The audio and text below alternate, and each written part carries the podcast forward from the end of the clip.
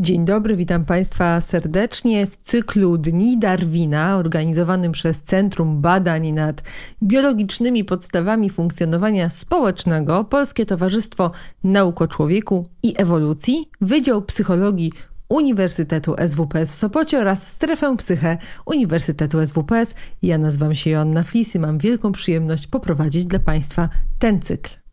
Dziś porozmawiam z doktor habilitowaną Anną Oleszkiewicz, profesorką UWR, na temat tego, w jaki sposób węch człowieka stanowi jego supermoc. Węch człowieka, brzydkie kaczątko ewolucji czy supermoc współczesnego człowieka. W trakcie dzisiejszego webinaru dowiecie się Państwo m.in. czy człowiek posługuje się węchem nie gorzej niż zwierzęta, które uważamy za wybitnie uzdolnione węchowo, jak węch wpływa na nasze doznania emocjonalne i nastrój, jak węch wpływa na naszą pamięć, szczególnie pamięć emocjonalną, czy węch odgrywa rolę w kształtowaniu więzi społecznych i relacji interpersonalnych. Po odpowiedzi na te pytania i dużo, dużo więcej zapraszam Państwa do tego odcinka.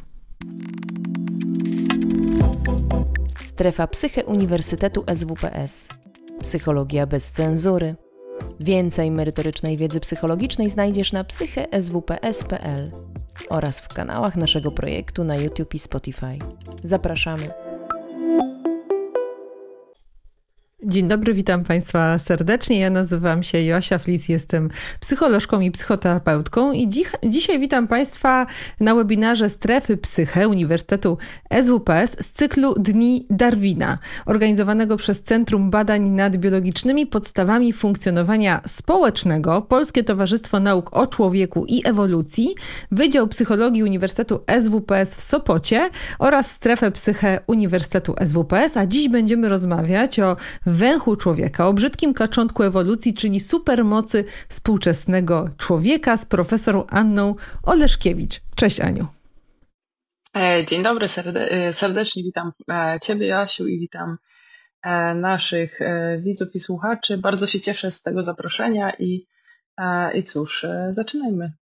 Ania jest profesorką w Instytucie Psychologii Uniwersytetu Wrocławskiego i współpracowniczką naukową w klinice węchu i smaku w Szkole Medycznej Karla Gustawa Karusa w Dreźnie, autorką ponad 100 prac naukowych o zasięgu międzynarodowym i kierowniczką grantów Narodowego Centrum Nauki, stypendystką Fundacji na Rzecz Nauki e, Polskiej. Ja Państwu przypomnę, że na dole macie okienko czatu i możecie na bieżąco zadawać mi pytania, które ja będę mojej gościni e, przekazywała z wielką przyjemnością bo też macie wpływ na to, jak te dni Darwina przebiegają i chciałabym, żeby ta rozmowa była e, spójna z waszymi oczekiwaniami. Jesteście twórcza, twórczyniami, twórcami, osobami tworzącymi strefę psyche razem z nami. Aniu, dzisiaj będziemy rozmawiały o, o węchu i zacznę od takiego pytania, czy człowiek posługuje się węchem nie gorzej niż zwierzęta, które uważamy za no, wybitnie uzdolnione w tym obszarze? Tak, człowieka, węch człowieka jest e, lepszy niż, e, niż przypuszczaliśmy. E, I co ciekawe, biorąc pod uwagę charakter i patrona naszego spotkania, czyli Darwina, to Darwin uważał, że węch człowiek, że człowiek jest istotą mikrosomatyczną, czyli taką, w której zmysły somatyczne, tak jak węch i smak, zostały, ich rola została ewolucyjnie zredukowana na rzecz wzroku i, wę- i mm, słuchu.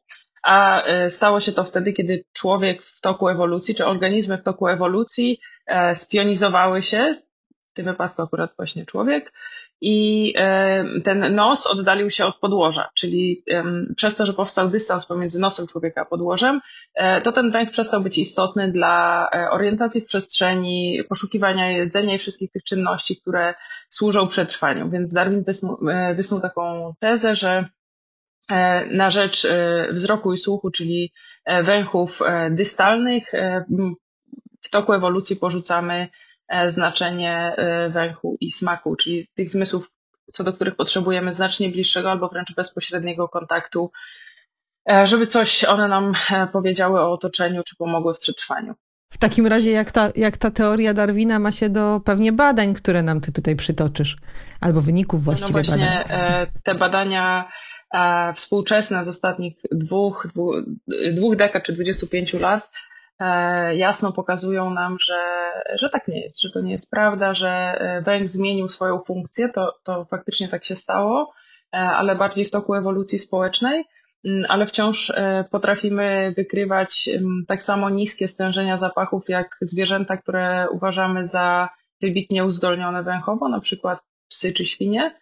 Były takie badania, które porównywały e, gatunek ludzki do kilku gatunków e, zwierząt uważanych za wybitne, wybitnie uzdolnione węchowo i porównywano to pod kątem wykrywania różnych zapachów. Mm, I w zależności od zapachu człowiek lokował się czasami nawet wyżej, czyli wykrywał niższe stężenia e, niż e, e, świnie czy, czy psy, czy tam chyba jeszcze były nietoperze, więc, więc tak naprawdę mm, w zależności od tego, jaki zapach ma dla nas, jak informacyjne znaczenie, węch jest, jesteśmy bywamy lepiej e, uzdolnieni węchowo niż zwierzęta. No to jest nieprawdopodobne, bo jesteśmy często gotowi do tego, żeby traktować węch jako to takie przyjemne źródło właśnie doświadczeń związanych z przyjemnymi zapachami, niekoniecznie źródło wiedzy, chyba że w kontekście jedzenia. A tu się okazuje, że ten węch może mieć dużo bardziej kluczową rolę dla naszego zdrowia psychicznego i fizycznego. To w takim razie, Aniu, zacznijmy może od tego, jak węch wpływa na nasze doznania emocjonalne i nastrój, bo dziś będziemy się zdrowiem psychicznym zajmować przede wszystkim. Mm, węch jest powiązany z naszym zdrowiem psychicznym. E, badania są, nie ma jednoznacznego, e, nie ma jednoznacznego wniosku, co wpływa na co. To znaczy, to jest związek e, bilateralny, bo jak to w życiu bywa, zarówno mm, jakby utrata węchu może prowadzić do zaburzeń psychicznych, czy trudności, może bardziej psychi trudności psychicznych, jak i w drugą stronę osoby, u których zdiagnozowano różnego rodzaju e, zaburzenia psychiczne, e, mają też e, pogorszone zdolności węchowe. Takim klasycznym przykładem, czy takim najbliższym naszym zainteresowaniom jest depresja. Osoby z ciężką kliniczną depresją mają zmniejszoną opuszkę węchową. To jest taki organ ulokowany mniej więcej tutaj, czyli tak powyżej e, sklepienia jamy nosowej. E, I to jest e, organ, w którym mm, integrowane są wszystkie sygnały nerwowe pochodzące z nabłonka nosowego i dalej ten sygnał przesyłany jest do mózgu, więc to jest kluczowy organ do dekodowania zapachów i jego objętość bezsprzecznie jest powiązana ze zdolnościami węchowymi. I wiadomo, że osoby z zaburzeniami depresyjnymi mają ten organ pomniejszony, i, gorsze, i mają też gorsze zdolności węchowe, szczególnie związane z nazywaniem i rozróżnianiem zapachów, które angażują wyższe procesy poznawcze. E, ale mają też gorsze, często gorszy próg wykrywania, który jest uważany za peryferyjną zdolność, czyli związaną bardziej z anatomią i fizjologią. E, ale w drugą stronę jest też cały szereg badań, które są z naszej, pochodzą z naszej kliniki, które mówią o tym, że osoby, które mają tracą węch, e, czują się nieszczęśliwe. To się odbija zarówno na zdrowiu psychicznym, jak i e, zdrowiu fizycznym, natomiast e, ten związek jest nieoczywisty. To znaczy, my w klinice w Dreźnie przyjmujemy pacjentów, którzy zgłaszają się, ponieważ utrata węchu im dokucza, prawda? Czyli jest to w jakimś, w jakimś stopniu dla nich dolegliwe, więc zaczynają szukać pomocy, przychodzą do kliniki.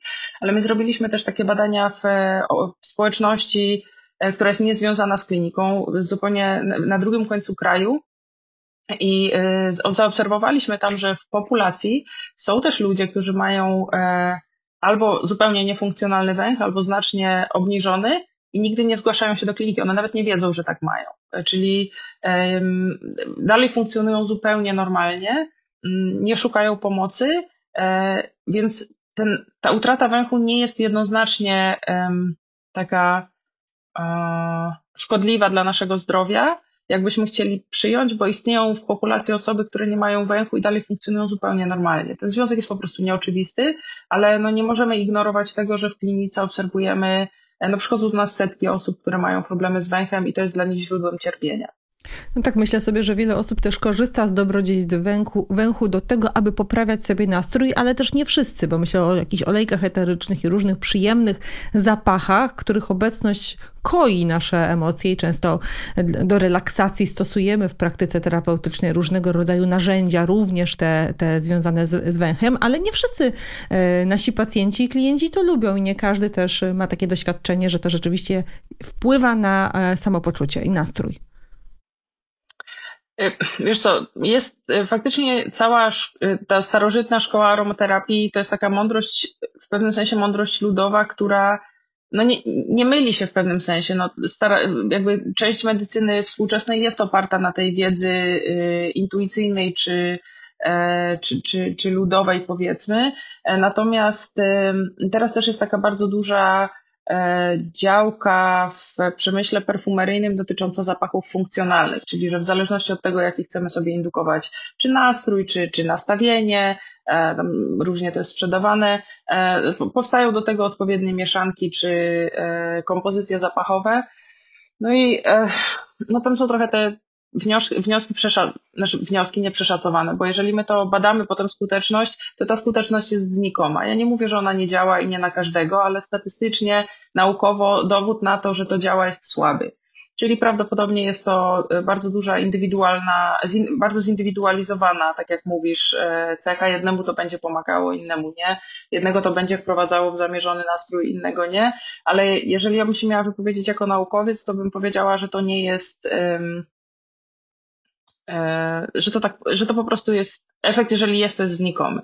Mhm, rozumiem, ale na pewno wiemy, że e, węch albo jego utrata może wpływać na naszą kondycję psychiczną. A powiedz mi, e, czy może wpływać na naszą pamięć, szczególnie pamięć emocjonalną? Może. Jest w Szwecji prowadzono takie super ciekawe badania dotyczące um, wspomnień z dzieciństwa. Wspomnienia, którym towarzyszyły jakieś bodźce zapachowe czy tło zapachowe są lepiej zapamiętywane, są oceniane jako bardziej e, żywe, kiedy są z powrotem przywoływane i takie bardziej no, wysycone, czy takie mało wyblakłe powiedzmy, czyli takie właśnie e, żywe w porównaniu do um, wspomnień, które były wzbudzane nie zapachem, tylko e, obrazem lub słowem werbalnym. E, czyli e, naukowcy przedstawiali e, osobie badanej, prosili o zapis wspomnień, które są wywoływane przez, załóżmy, zapach pomarańczy, słowo pomarańcza i obrazek przedstawiający pomarańcze. No i ten bodziec zapachowy był zdecydowanie bardziej skuteczny w przywoływaniu wspomnień i też te wspomnienia, które się kojarzyły z danym zapachem, były datowane na pierwszą dekadę życia, czyli to są wspomnienia z dzieciństwa, podczas gdy bodźce werbalne lub e, wizualne przywołują bardziej późniejsze wspomnienia, czyli druga, trzecia dekada życia. E, więc jeżeli chcemy się cofnąć do dzieciństwa, to, to dobrym tropem są, e, są bodźce zapachowe. To w takim razie wiemy, że e, emocje i nastrój, wiemy, że pamięć i to też ma znaczenie, a jak jest z kształtowaniem więzi społecznych i relacji interpersonalnych? Czy, czy węch odgrywa tu jakąś rolę? tak, odgrywa. E, bardziej niż. Tylko tutaj bardziej trzeba przedstawić myślenie na zapach ciała, bo my jesteśmy też emitentem zapachów, my, e, każde, ciało pachnie, my te zapachy często maskujemy, bo one są E, współcześnie uznawane za, za nieprzyjemne, e, ale węch odgrywa, e, węch jest w ogóle funkcjonalny od urodzenia. To znaczy, że są teraz takie badania, które ukazały się w zeszłym roku w Psychological Science, które pokazują, że płód już w życiu płodowym płód jest w stanie reagować na zapach przyjemny lub nieprzyjemny. To znaczy podawano matkom takie kapsułki zawierające zapach i ten, te kapsułki rozpuszczały się w organizmie, e, płyn owodniowy nabierał pewnego zapachu i to był zapach karobu albo marchewki, zdaje się. I karob w porównaniu z marchewką jest nieprzy, nie, nie pachnie przyjemnie. E, I dzieci, e, które, mm, czy, czy płody, które były w, w brzuchu i były wyeksponowane na zapach karobu, marszczyły się i to widzieli badacze na USG. I ten, te zdjęcia są w tym artykule, bardzo polecam, bo to jest ewidentna reakcja taka hedoniczna na zapach. I naukowcy tak naprawdę nie mają jeszcze dobrej odpowiedzi, jak to jest możliwe, że płód, który jeszcze nie ma żadnego doświadczenia e, poza życiem płodowym, jest w stanie mm, reagować na, na zapach zgodnie z tym, co, co mm, jakby zgodnie z oceną hedoniczną zapachu, którą pozyskali, pozyskano, czy ocenili, ocenili go wcześniej pod kątem przyjemności, nieprzyjemności osoby, które już doświadczenie z zapachami mają czyli jakaś tam grupa naukowców. E, więc mm, no to, to jest zagadka, to jest y, pewnego rodzaju zagadka, czy my nie mamy już zakodowanych pewnych y, wymiarów oceny zapachów e, gdzieś tam e, genetycznie. I to e, nad tym gdzieś tam trwają takie prace naukowe. E, my się rodzimy z funkcjonalnym węchem, czyli e, dzieci, noworodki mają, źle słyszą, źle widzą, ale świetnie czują i to im pomaga znaleźć sutek i ssać mleko, więc jest to kluczowy zmysł, znowu kluczowy zmysł dla przetrwania. Mm, I cała potem więź z matką opiera się na zapachu matki z ojcem potem też. Jest też szereg badań, który pokazuje, że matki są w stanie odróżnić zapach swojego noworodka od zapachu innych noworodków i vice versa dzieci są w stanie, e, no, noworodki są w stanie ocenić zapach rodziców spośród obcych osób e, i ten, ta zdolność utrzymuje się praktycznie do okresu e, pokwitania. I wtedy też z naszej grupy powstały takie badania, w których e, wykazano, że kiedy dzieci są już nastolatkami, to zaczynają brzydko pachnieć rodzicom. Tak jak lubimy wąchać swoje dzieci jako maluchy, tak e, w okresie pokwitania dzieci już zaczynają nam e, brzydko mówiąc, troszkę śmierdzić. Ja pamiętam z tamtego roku z Dni Darwina jakie spotkanie na temat systemu odpornościowego i behawioralnego systemu odpornościowego, gdzie to właśnie wstręt, którego, który przeżywamy najczęściej w odpowiedzi na bodźce węchowe, był częścią tego behawioralnego systemu odpornościowego, chroniąc nas przed bliskością patogenów. E, tak, a tam, e, tam jest jeszcze też taka bardzo ciekawa linia badań, która pokazuje, że e, zapach ciała informuje nas o HLA, czyli tym typie odpornościowym drugiej osoby i dzięki temu pomaga mm, ewolucyjnie pomaga dobiera, dobierać się w pary korzystniejsze pod kątem zróżnicowanych typów odporności. Od, od razu pytanie z internetów, to znaczy odnośnie tego z internautów, e, bo pojawiło się i dokładnie o tym teraz mówisz. Czy w takim razie to, że e, lubimy zapach swojego partnera i partnerki, świadczy o dobrym dopasowaniu? E, to zależy, czy to jest naturalny zapach, bo my potocznie zazwyczaj lubimy po prostu kosmetyki, których używa partner czy partnerka, ale, ale jeżeli lubimy jego zapach, to prawdopodobnie to, to, ma kluczową rolę w dobieraniu się w pary, ale pewnie nie przeszkadza też później. E, I myślę, że tak, że zapach, e, to znaczy w świetle badań atrakcyjniejszy jest zapach ciała partnera, który ma e, przeciwstawny typ układu odpornościowego, co jest korzystne dla potomstwa, bo genetycznie dostaniono dwa zróżnicowane źródła genów. Nagle się okazuje, że, że węch jest jednym z kluczowych zmysłów, które z jednej strony chronią nas przed niebezpieczeństwem, z drugiej strony kształtują to, w jakie relacje być może wchodzimy, e, jak się też w tych relacjach czujemy. Nieprawdopodobne. Bardzo ciekawa jest ta twoja dyscyplina. Zgadzam się. Y, tu, tu, nie będę polemizować. Musimy tylko pamiętać, y, że to nie są deterministyczne badania. Badania naukowe opierają się na prawdopodobieństwie. To nie jest tak, że e, to, to nie są odpowiedzi zero-jedynkowe, tylko no, pewne prawidłowości, które my obserwujemy. To tak jak z psychologią. Psychologia to też są, to jest obserwowanie złożonych zjawisk, wyłapywanie pewnych E, kluczowych zmiennych i szacowanie ich roli w całym procesie, ale to nie jest tak, to nie jest zero-jedynkowe. To nie jest tak, że jak my kogoś powąchamy i on się nam spodoba, to on na pewno ma przeciwstawne e, HLA, więc musimy też przyłożyć do tego e, adekwatną miarę, jeżeli chodzi o, o skalę tych odkryć. I one są, one są pasjonujące, one są naprawdę świetnie objaśniają świat, ale, ale nie są deterministyczne. To powiedz w takim razie, jak to jest z naszymi preferencjami żywność, y, żywieniowymi? Czy, czy węch tu w takim razie będzie wpływał na to, jak my się odżywiamy, po co sięgamy, a być może w jakimś stopniu odpowiada za nasze nieprawidłowe nawyki żywieniowe? E, tak, oczywiście. Węch jest e, bezspornie e, no, krytycznym zmysłem, jeżeli chodzi o, o odżywianie się i o spo, no, o sposób odżywiania to jedno, ale też o, o radość z jedzenia, dlatego że pewnie każdy z naszych słuchaczy i ty też pewnie miałeś takie doświadczenie, że miałeś zatkany nos i katar i wtedy po prostu nie ma się apetytu.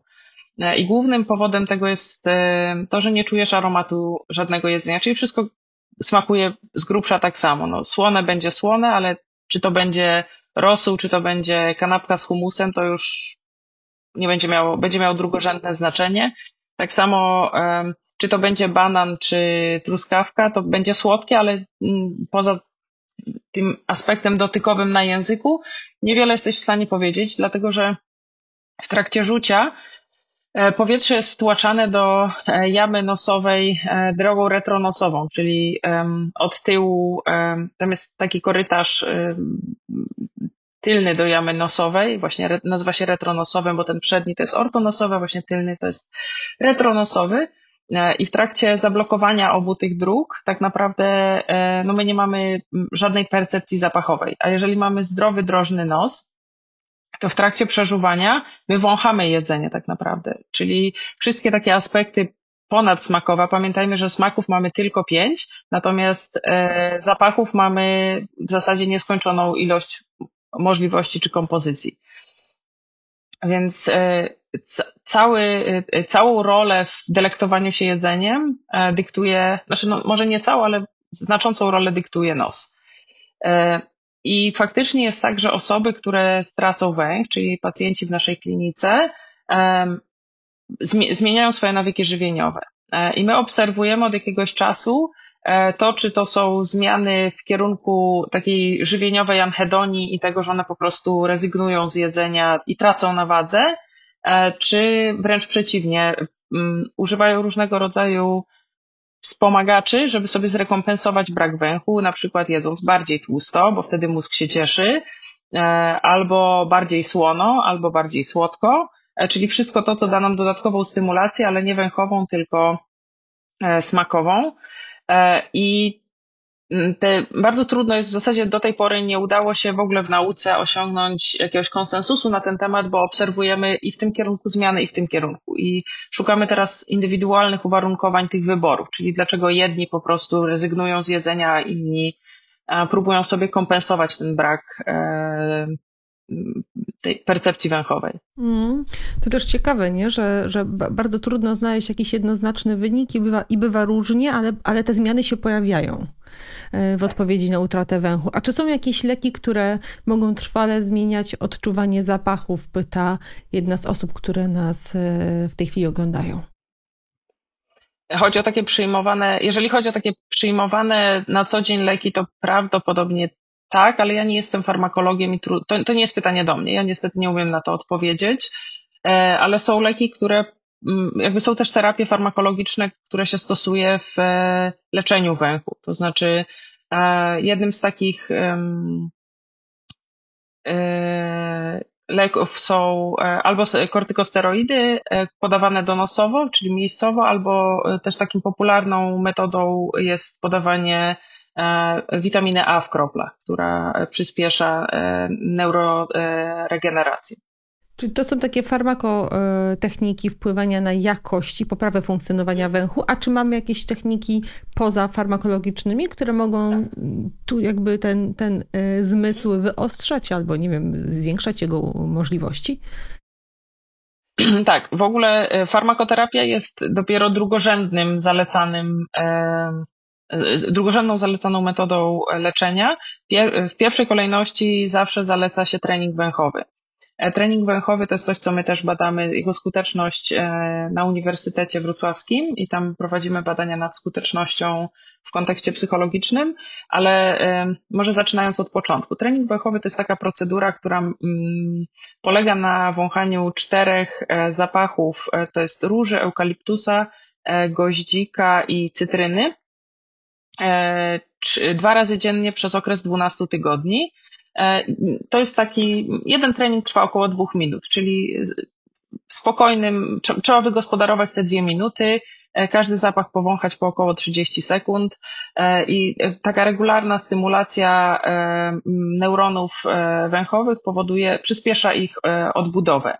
I oczywiście w zależności od okoliczności utraty węchu. Ta metoda jest szczególnie skuteczna wtedy, jeżeli węch został utracony w kontekście przebytej infekcji, czyli na przykład COVID, ale wcześniej było dużo innych wirusów, które również eliminowały człowiekowi węch. COVID nie jest pierwszym takim przypadkiem, ale pierwszym tak masowym. E, I faktycznie w, w pandemii stanowisko Europejskiego Stowarzyszenia Autolaryngologicznego było takie, że w pierwszej kolejności aplikujemy trening węchowy, a dopiero później farmakoterapię.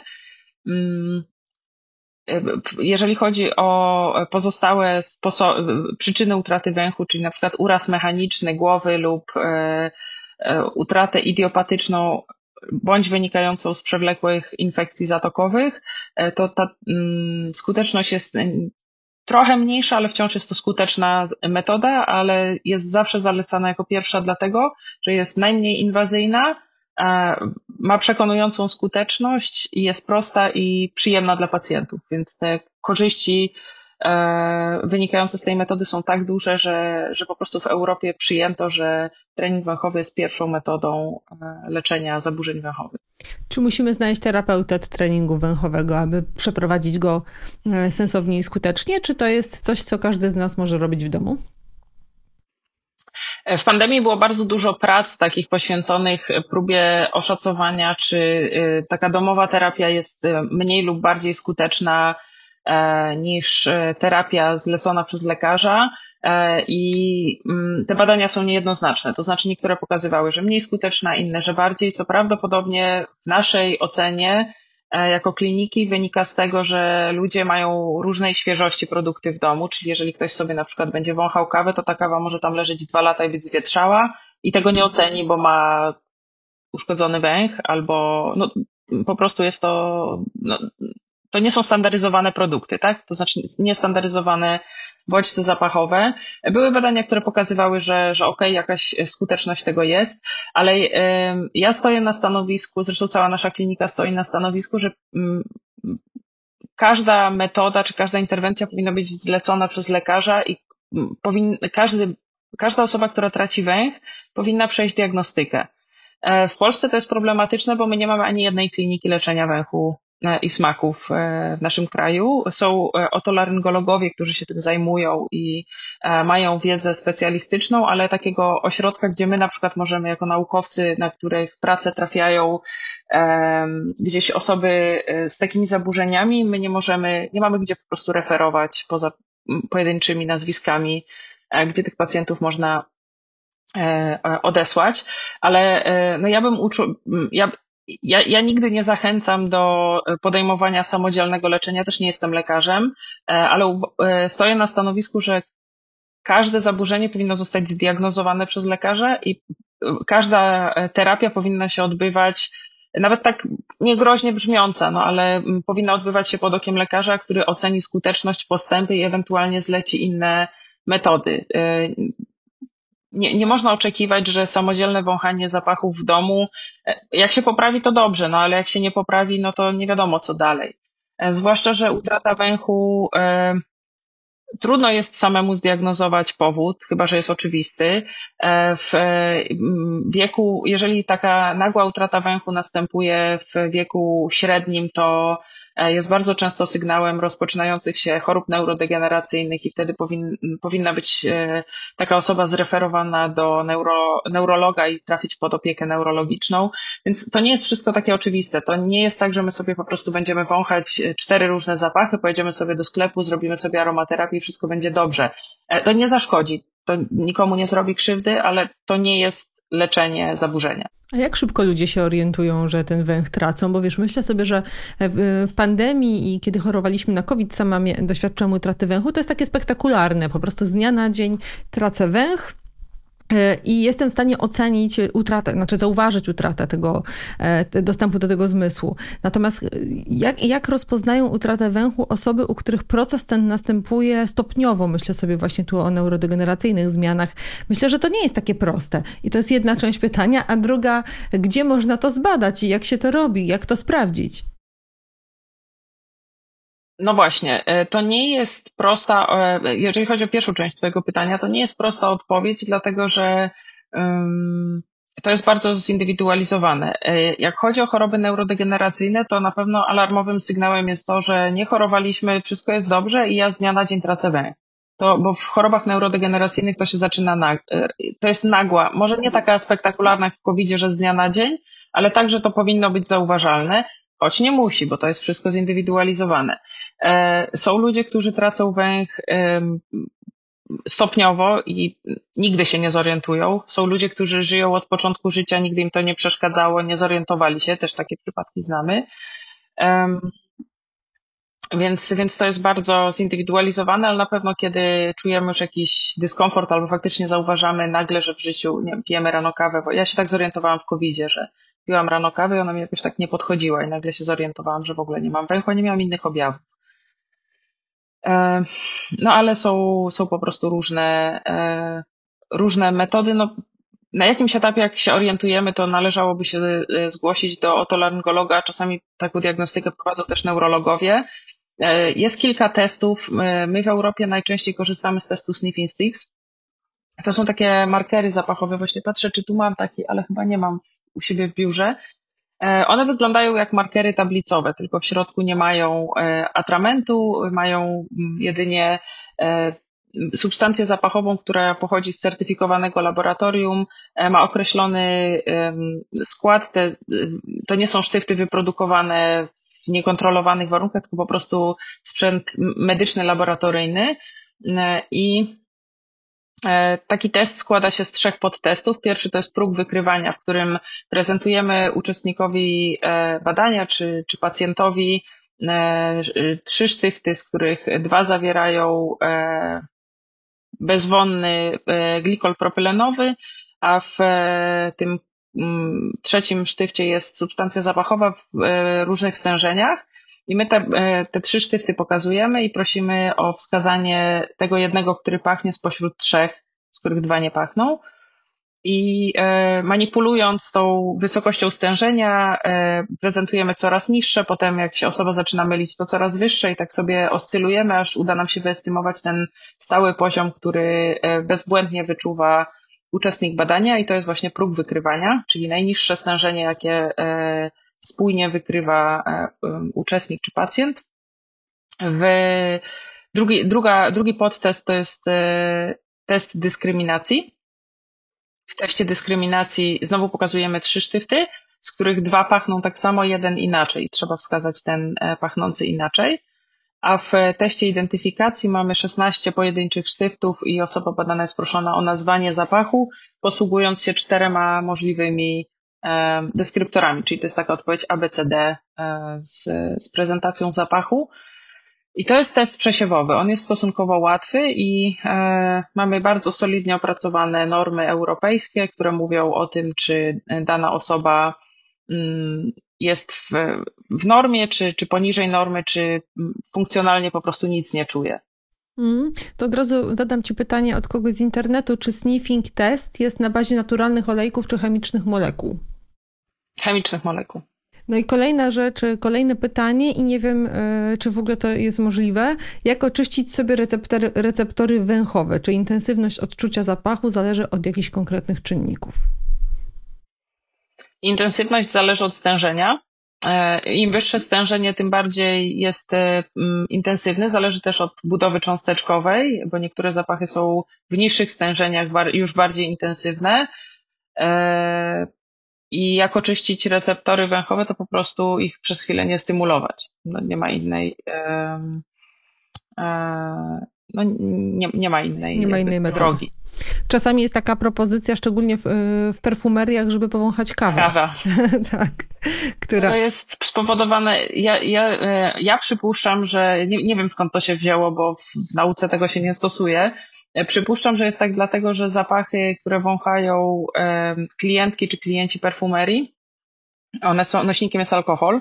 Alkohol jest e, dość, nie dość, że intensywnie pachnie, to jest też dość e, stymulujący trójdzielnie, czyli my mamy w nosie jeszcze zakończony nerw trójdzielny tak zwany, czyli wszystkie odczucia dotyczące chłodu, takiego gryzienia, na przykład jak wąchamy mentol, to mamy poczucie, że nam chłodno w nosie, a jak wąchamy dym z ogniska, to on jest gryzący mm, i tak dalej, i tak dalej. On, ten zmysł wspomaga lokalizację zapachów w przestrzeni, bo on jest lateralny, czyli pod, dzięki niemu potrafimy określić, czy zapach jest, przychodzi do nas z lewej czy z prawej strony i pomaga trochę się zorientować w przestrzeni.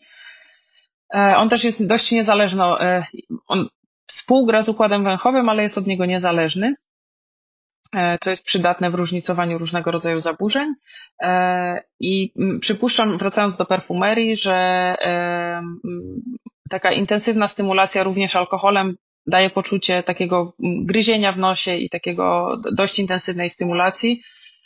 I ta kawa jest delikatnym zapachem, znacznie mniej stymulującym. I przypuszczam, że to miał być jak, jakaś taka idea odpoczynku dla nas, ale po prostu to, to nie jest jakiś magiczny zapach, który faktycznie nas y, stawia do pionu, on po prostu trochę rekalibruje mózg z powrotem na, na trochę inne tory i to, to chyba po prostu pomaga w percepcji zapachów, ale być może więcej mógłby na ten temat powiedzieć e, perfumiarz. Ja jakby w nauce nie robimy tak, że dajemy komuś co chwilę kawę, żeby sobie oczyścił receptory, to, to tak nie działa.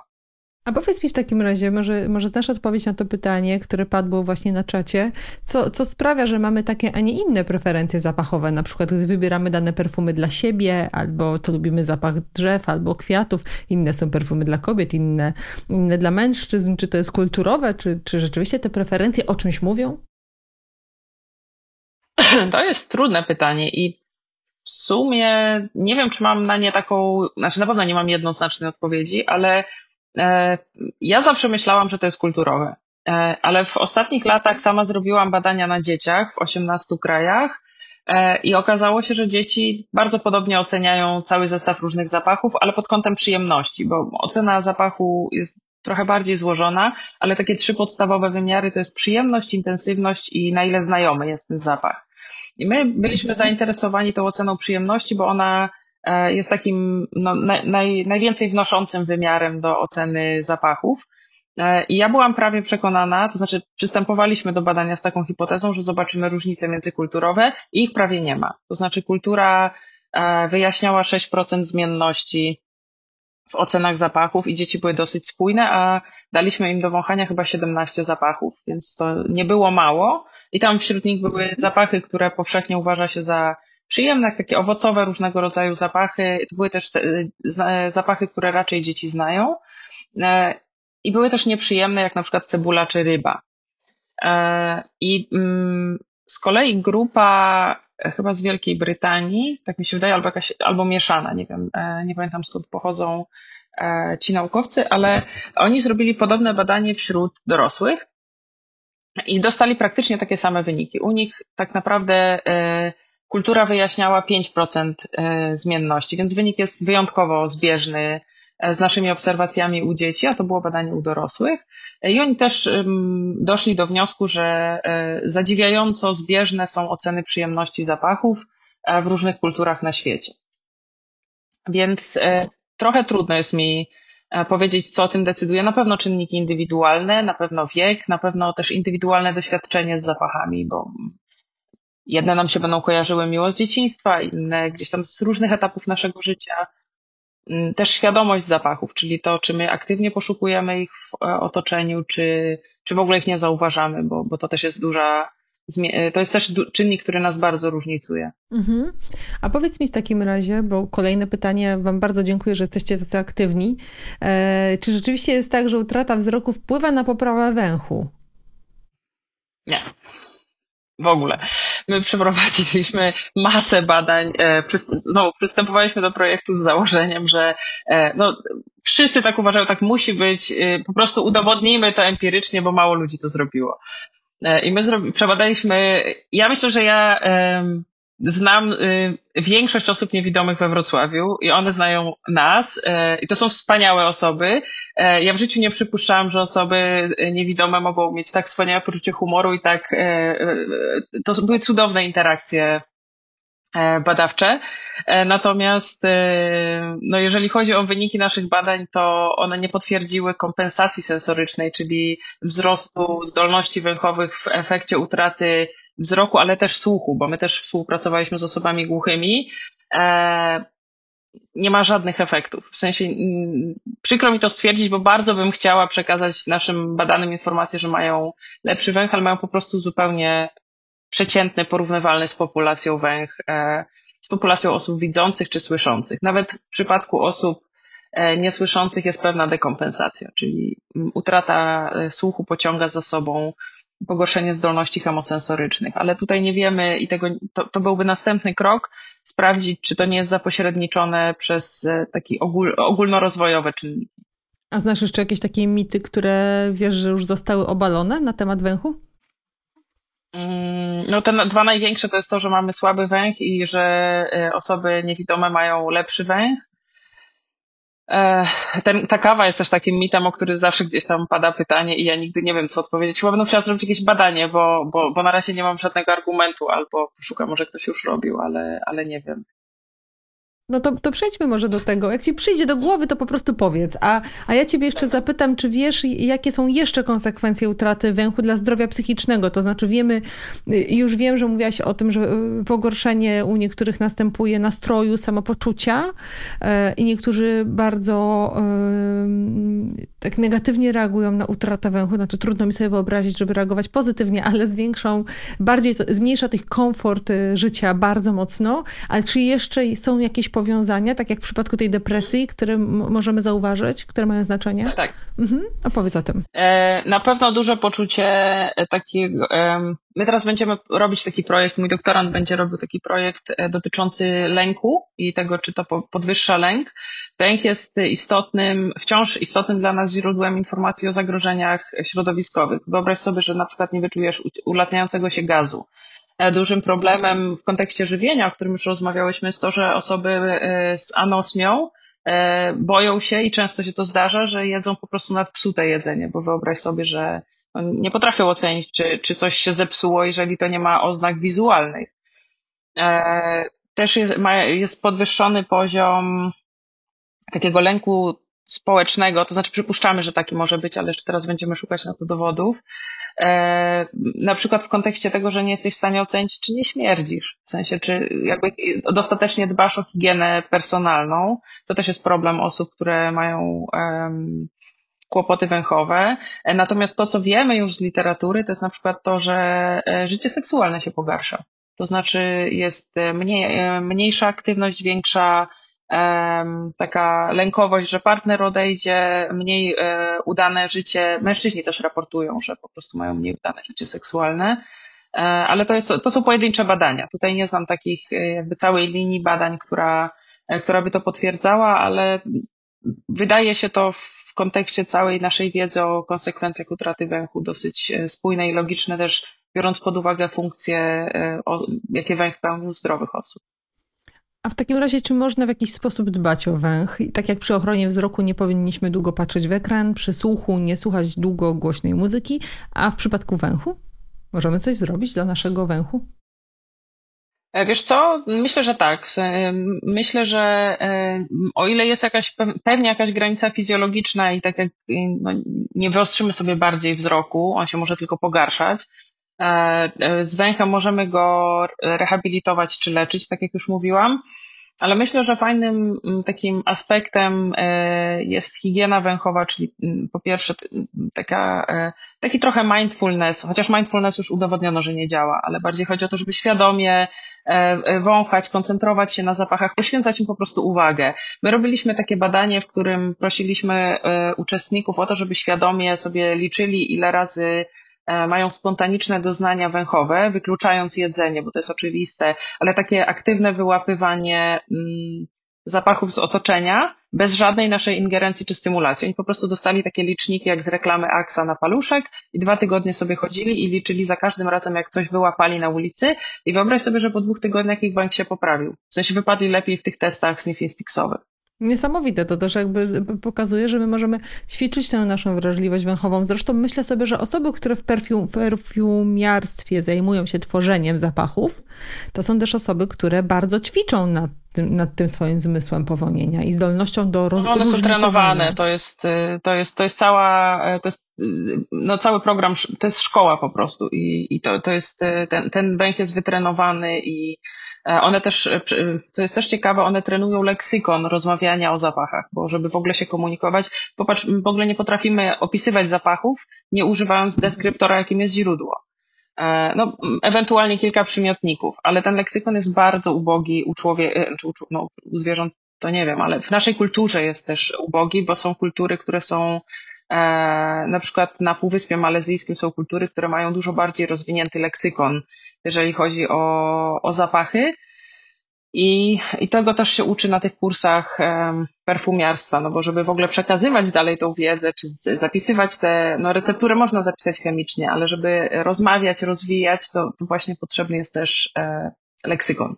Czyli każdy z nas może się tego w jakimś stopniu nauczyć. A powiedz mi w takim razie jeszcze... Każdy może wąchać, nie? Każdy może wąchać, każdy może trochę poświęcić uwagi zmysłowi węchu i to, no nie mówię, że to jest jakiś złoty środek, który nie wiadomo jak rozwinie nasz węch, ale węch jest też bardzo zależny od takich procesów top-down, czyli mm, poznawczo te wyższe e, e, obszary korowe oddziałują też na to, jak my czujemy, więc to działa mm, dwukierunkowo.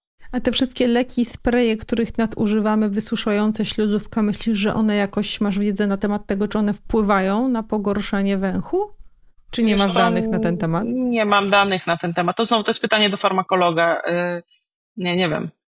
Tak, ciekawa byłam, bo dziś czytałam jakieś takie dane na temat tego, jak bardzo w Polsce nadużywamy leków wysuszających yy, śluzówkę, wszystkich sprayów do nosa i pomyślałam sobie, jakie to może mieć konsekwencje długofalowe dla, dla na przykład y, węchu, ale też nie, nie mam pojęcia, nie, nie czytałam Wiesz takich badań. Na pewno jakby mm, na logikę, jak chodzi o sposób, w jaki my odbieramy zapachy, to te cząsteczki zapachowe, które są niesione w, w drobinkach wody w powietrzu, one się rozpuszczają w tej wydzielinie na nabłonku nosowym, więc jeżeli my je przesuszamy, no to ta percepcja musi być gorsza, bo to jest po prostu reakcja chemiczna, która musi się odbywać w środowisku wilgotnym. E, no ale z drugiej strony, jak mamy zatkany nos, to tam żadne powietrze nie przejdzie, więc no to jest, to znowu nie jest oczywista odpowiedź, ale e, Mhm. Od razu się, od razu padło takie, od razu padło takie pytanie w okienku czatu o, o w takim razie substancje, które upośledzają węch, czyli takie z codziennego funkcjonowania, jak nikotyna, dym, czy jest coś, co sprawia, że ten nasz węch y, się wybitnie pogarsza, czyli tak jak y, y, siedzenie przed komputerem, spędzanie dużej ilości czasu przed ekranami, może pogorszyć wzrok albo właśnie wysoki dźwięk, może pogorszyć słuch, czy, czy zmysł węchu też ma takie warunki dla siebie zagrażające Mm, tak, to nikotyna pogarsza, znaczy dym papierosowy pogarsza węch, bo, e, no bo, bo, bo, bo tak, w sensie, że to jest po prostu e, uszkadzanie, e, uszkadzanie receptorów związkami chemicznymi, które są szkodliwe i żrące. Podobnie jest z, ze smogiem. Smog pogarsza węch. My teraz też prowadzi, będziemy prowadzić takie badania. Mamy już jedne badania przeprowadzone nad poziomem zanieczyszczeń, a wrażliwością węchową i e, oczywiście PM2,5 jest, e, jest kluczowe, ale chociaż ten związek jest, e, to jest trudne do mm, e, policzenia, dlatego że my często nie mamy precyzyjnej miary tego, co dokładnie ludzie wdychają. To znaczy nawet jak smog jest na dworze, e, to ludzie pół dnia spędzają pomieszczeniu, w którym nie wiemy jak, e, czym oddychają dokładnie, więc teraz będziemy też robić takie badania z bardzo dokładnym pomiarem e, jakości powietrza wdychanej do nosa mm, i będziemy sprawdzać, jak to się e, odbija na wrażliwości węchowej. Ale z tego, co wiemy już z literatury, to ten efekt kumulatywny zanieczyszczeń powietrza jest bardzo duży i, jest to jeden z istotnych czynników, które odpowiadają za to, że z wiekiem pogarsza nam się węch, bo to są lata ekspozycji po prostu na, na smog. E, papierosy i mm, trzecim takim czynnikiem, który w literaturze się pojawia, to są, jest praca w e, jakichś chemicznych e, warunkach, ale to nie chodzi o perfumerię, tylko bardziej o przemysł, czy po prostu ekspozycja na, albo na kurze, pyły, albo właśnie na, na jakieś związki chemiczne. Aniu, a mogłabyś polecić na koniec jakąś literaturę, jeżeli ktoś, kto nas w tej chwili ogląda, słucha, chciałby y, dowiedzieć się czegoś więcej, albo poczytać wyniki badań, o których mówisz, również y, Twojego zespołu, e, to gdzie można znaleźć takie treści? E, jeżeli chodzi o literaturę, to w polskiej literaturze niewiele jest naukowej, niewiele się ukazało. Jest książka e, dość już wiekowa profesor Czerniawskiej, która jest dalej bardzo dobrym źródłem wiedzy o badaniach, mniej o współczesnych, ale takich klasycznych badań, omówienie klasycznych badań w literaturze naukowej jest. Teraz pokazały się dwie takie pozycje książkowe, popularyzujące wiedzę o e, węchu. Jedna to jest, e, no zaraz teraz zapomniałam tytułu. Jedna nosi tytuł Zapach, to jest taka fioletowa okładka, ale nie pamiętam, dwie autorki to napisały i to jest po prostu taka książka omawiająca e, różnej, o może znajdziesz, różnej um, E, z, z, różnej perspektywy przemysł, czy, czy, czy rzeczy, które istotnie nam pachną, czy, czy, czy są źródłem zapachów w codziennym życiu. E, I ta, ta książka jest bardzo przyjemna do przeczytania, jako taka e, popularyzująca wiedzę o węchu. A druga książka to jest książka, to jest tłumaczenie książki Anne-Sophie Barwich, tylko, a tutaj z kolei nie pamiętam jaki jest tytuł, co, co węch mówi, co, no, co nos mówi mózgowi chyba?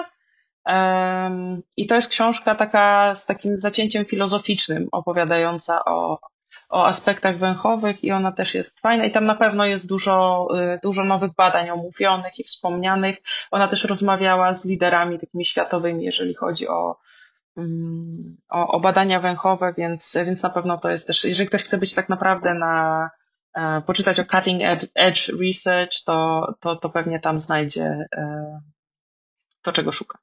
To ja podpowiem, że ta książka to jest Ach, zapach, przewodnik po fantastycznym świecie o. zapachów, tak? Autor e, tak. Katarzyna Białusz i Anna, Anna Budyńs, Budyńska.